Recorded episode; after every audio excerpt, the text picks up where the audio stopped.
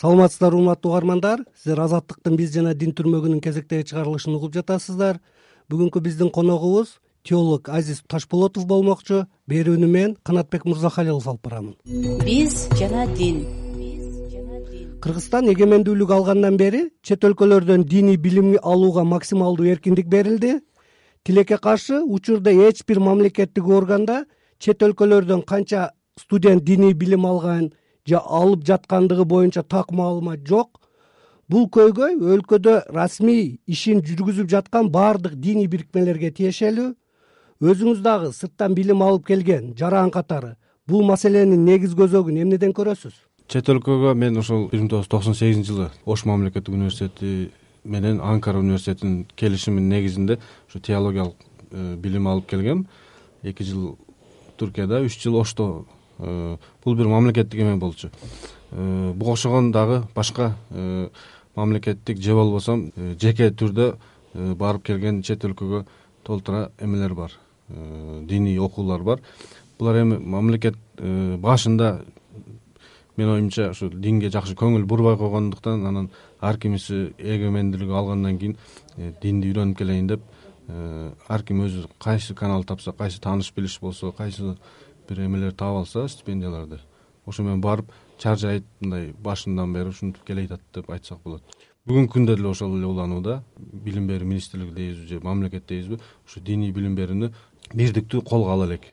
Мына кептин учугун баягы сиз айткан боюнча дагы уласак да бүгүнкү күндө сырттан билим алып окуп жаткан мекендештерибиз бул туркияда египетте пакистанда сауд аравия падышачылыгында кувейт иордания бангладеш орусия сыяктуу мамлекеттерде диний билим алууга сапар алышкан. Бүгүнкү күндө мына учурда жүздөгөн кыргызстандыктар чет өлкөдөн окуусун бүтүп келип диний чөйрөдө иштегендери бар. Сизге окшоп светтик жогорку окуу жайларында иштеп жатышат. Сырттан диний билим алган бүтүрүүчүлөрдүн ишмердүүлүгүн жогоруда саналган өлкөлөрдүн билимдин сапаты жана заманбап шарттарын баалоого дагы учурда мүмкүнчүлүк түзүлдү окшойт сиздин оюңузча чет өлкөдө диний билим алууга кайсы чет өлкөдөгү кандай окуу жайларга мамлекет приоритет берсе болот? Баардык эле мамлекеттер менен э, диний билим алууга жиберсе болот бирок э, бир эки тараптуу бир келишимдин негизинде жиберсе ошондо э, жанагы алардын программасын дагы бир көргөнгө талдаганга же болбосо контроль кылганга же болбосо жок дегенде кабары болгонго мүмкүнчүлүгү болот да мисалы үчүн э, сауда арабия падышачылыгына кеткендер мисалы үчүн көбүнчө ошол э, меккедеги мисалы умул кура же болбосо пакистандагы исламабаддагы э, чоң ислам борбору бар университет. Аны деле сайттардан таанышып алсак болот да. Бирок биздикилер барып именно ошол жерге барып окушабы ошол маселе да ошол жака кеттим деп туруп ага ошолордун астындагы институт же болбосо тил борбору же болбосо мындай майда майда эмелеринде окуп анан кийин бирок ошол жерде окуп келдим деп э, айтып жүрүшкөндөр көп кездешет да. Э, эми азыр бизге көбүнчө кыргызстандын эмесине туура келген же туура келбеген деп эч ким деле ылгабай эле баардыгы эле окуп келип атышат. Э, менин оюмча ушул орусиянын ислам окуу борборлору татарстанга барып окуп келгендер бар москвадан окугандар бар өзбекстандан илгерки уламалар ташкенттен бухарадан. Ташкенттен бухарадан. Анан чет өлкөгө эгемендиктен кийин ошо туркияга э, көп барып окуп келип атышты андан сырткары ушу араб өлкөлөрүнөн э, мысыр менен саудия арабиясы жана э, анча мынча ушу пакистан бангладеш. Эми алар пакистан бангладеш индиядагы дагы мусулмандардын окуу борборлору бар. Бирок алар эми мындай университет даражасында деп айтыш кыйын. Аларды кандай деңгээлде айтылат эми? Эми алар ар түрлүү мисалы үчүн жамиа десе мисалы университет болот анан мужамма десе мисалы институт болуп калат. Анан кийин андан дагы кичинерээк махат болсо бир дагы институтун дагы бир кичинерээк эле бир колледж сыяктуу экен. Ушундай болуп калат да. Ал эми аларды билбейбиз да. Келип туруп анан дипломдорун балким которуп турганда чоңураак кылып жазганга аракет кылып жогорку билим алып кел деп окуп жүрүшөт иштеп жүрүшөт биз жана дин. Мына бейрасмий маалыматтарга ылайык бүгүнкү күндө кыргызстанда чет өлкөдөн миңден ашуун биздин жарандар чет өлкөдөн диний билим алып окуусун бүтүрүп келишти ушул бүтүрүүчүлөрдүн ортосунда кандай байланыштар бар? Алар кайсы багыттарда кызматташышат? Э, мен ошол туркияда окуп келген үчүн туркияныкын айтайын. Туркиядан бүтүрүп келген окуучулардын э, эгемендик деген бир эмеси бар э, мекемеси бар. Ал ошол туркиядан бүтүрүп келген баардык окуучуларды кайсыл факультет же болбосо кесиптигине карабай эле кыргызстанга келгенден кийин ошолорду башын бириктирген бир эме мекеме. Уюм. Алар өздөрүнчө иш чараларды өткөрүп турушат ушул кокус бир жерлерге кадр керек болуп калса ошол жерден мындай базасы сыяктуу эмеси бар. Ошол жерден сунуштап бири бирин колдоп э, мааракелерди майрамдарда чогулуп эме кылып турушат. Мен сирияда дагы болуп окуп келгем э, тил курсунда бир жылга жакын.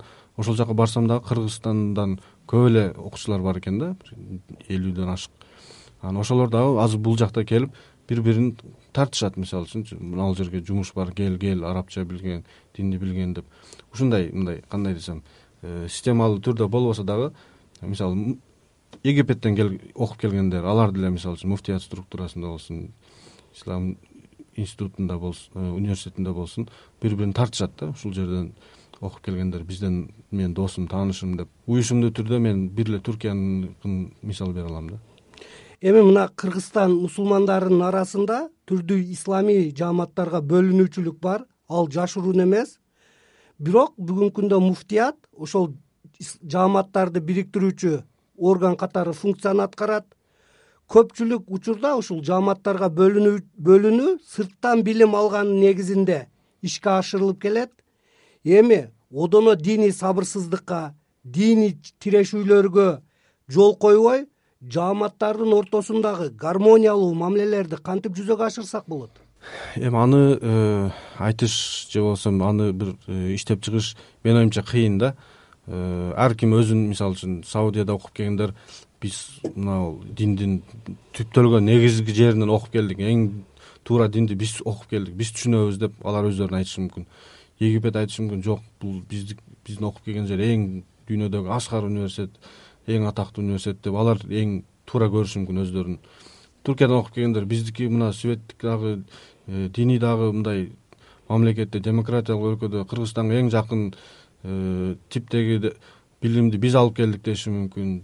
Татарстандагылар мына биздики эң илгертен бери э, жадидчилик эмеси менен биздики туура деп айтышы мүмкүн. Пакистандыктар биздики туура деши мүмкүн эң чоң университет эң көп студенти бар деп айтыш кыйын да. Мисалы жана куранда деле айтат го күллү хизбин бима ледейхим фарихун э, ар ким өзүнүн билгенин э, өзүндөгү нерсени туура деп көрөт деп. Ошондуктан э, бул жерде муфтият кыргызстандын мусулмандар дин башкармалыгы ошол кадрларды баардыгын чогултуп конкурстун негизинде бир жанакы кадровый резерв эме кылып анан кийин керек болгон учурларда мисалы үчүн имамдарды дайындайбы же болбосо Э, медреселерде мугалимдер дайындайбы ошол жерге бир резерв кылып алып анан акырын керек болгондо ошолорду иштетип эме кылса болмок. Бирок э, тилекке каршы аны дагы көрө албай атабыз да. Мына чет мамлекетте окуп ар кандай диний агымдарга азгырылып кеткендер дагы жок эмес айрым бүтүрүүчүлөрдүн арасында чоочун агымдарга кирип кеткендер кездешкен учурларда учурду биз адам факторуна байланыштырып дагы коебуз. Ошонун негизинде башка борбор азия мамлекеттеринде чет өлкөдөн диний билим алууга өз жарандары үчүн токтотту кошуналарыбыздын бул кадамдарын сиз кандай деп баалайт элеңиз? Эми азыр токтоткону эми кеч болуп калышы мүмкүн. Могу башында токтотсо. Борбор азия мамлекет ошо борбор азия башка коңшу өлкөлөр. Эми азыр э, жанакы заманыбыз уже интернет заманы болуп калды. Азыр көп эле онлайн деле билим алып алышат. Моментти кое бергенден кийин жанакы эмелер кээ бир проблемалар ашкере көрүнүп калгандан кийин анан буну силовой метод менен токтотуунун аракеттери деп деп бааласа болот. Менин оюмча бул көп деле эме бербесе керек. Э, натыйжасын бербей натыйжасын бербесе кайра тыюу салган сайын элдер күчөшүшү мүмкүн ошол нерсеге. Бул чечимдерди кыргызстан ушундай чечим кабыл алынышы туурабы туура эмеспи мындай. Өзүнүн жарандарын чет өлкөгө диний билим алууга чыгаруу эми азыркы учурда андай бир э, тыюу салуу жок кыргызстанда э, мисалы үчүн кетип аткандарга мисалы дин комиссиясынан бир э, кагаз алып уруксат кагаз алып кетип атам деп. Жок дегенде мындай кабардар кылып коюп чыгып атканын азыр билебиз. Дин комиссиясынан ушундай бир иш жүргүзүлөт. А бирок тыюу салып коюш мындай мамлекеттик эмеде деле андай бир механизм жок деп ойлойм. Мен жөн эле туризм туристтик катары эле кетип атам деп деле чыгып кетип анан окуп келе берет аны эч ким тыя албайт да. Биз жана дин. Биз жана дин кыргызстандын диний чөйрөдөгү мамлекеттик саясатынын негизги компоненттеринин бири чет өлкөдөгү диний билим алууну иретке салуу болуп саналат. Бул багытта сиз кандай практикалык сунуштарды айта алат элеңиз? Эми э, биздин билим берүү министрлигине барсаңыз э, ар бир кыргызстан жараны билим алууга укуктуу деп жазылып турат да ошол эле э, сыңары диний билим алууга дагы укуктуу деген бир түшүнүктү киргизип анан ушул эмнени үйрөтөбүз? Кантип үйрөтөбүз? Кимдер аркылуу үйрөтөбүз деп мамлекет биртке көңүл буруп ушул немеге жагдайга расмий булактардан билим алып келген мисалы үчүн теологиялык болсун Э, башка шарият болсун бирок э, диплому бар көп эле кадрлар азыр даяр болуп калды. Да ошолордон эле э, бир сыйра мисалы үчүн мамлекет өзүнүн көз карашы же болбосо мамлекеттүүлүктүн мыйзамдарын үйрөтүп анан ошол эле учурда мамлекеттик стандарты дагы бир иштеп чыгып ошол багытта бир иштешсе ушул диний чөйрө менен себеби азыр талап дагы бар мисалы ыйман сабагы кирсин деген мектептерде университеттерде э, факультативдүү түрдө диний сабактар кирсин деген бул эми элдин талабы сезилип эле турат да ушуну э, ушул муктаждыкты мамлекет э, камсыздоого менин оюмча ушу бир милдеттүү болуш керек да. Жогоруда өзүбүз санаган өлкөлөр менен өлкөлөрдөгү диний окуу жайлары менен ошо билим берүү министрлиги же дин комиссиясынын ортосунда официалдуу түрдө келишимдерге кол коюлуп ошонун негизинде чет өлкөгө чыгарсак жакшыбы же кандай кылып ушул чет өлкөгө чыккан студенттердин дагы сапатына билим сапатына көңүл бөлүп кандай кылсак болот ушуну? Биринчиден э, кайсыл университеттерди тандап алып туруп биздин кыргызстандын көз караштарына дейбизби же болбосо мамлекеттик түзүлүшүнө карап ошого жараша эки үч э, борборлорду тандап алып туруп ошолор менен келишим түзүп он жылдыкпы же жыйырма жылдыкпы ошентип бир э, мындай проба кылып окутуп көрсө болот. Бирок муну бир башташ керек мындай мамлекеттин бир эрки болуш керек. И мындан коркпош керек. Себеби бул дин десе эле баардыгы мындай тескери ойлоп калышат. Дин деген бул адамдын муктаждыгы ар бир окуучу айтпасаң өзү интернеттен туура эмес булактардан үйрөнүп алышы мүмкүн. Ошону мамлекет туурасын үйрөткөнгө акылуу деп ойлойм да. Азиз мырза убактыңызды бөлүп бизге маек бергениңизге ыраазычылык билдирем. Урматтуу угармандар сиздер азаттыктын биз жана дин түрмөгүнүн кезектеги чыгарылышын уктуңуздар. Коногубуз теолог азиз ташполотов болду. Берүүнү мен канатбек мырзахалилов алып бардым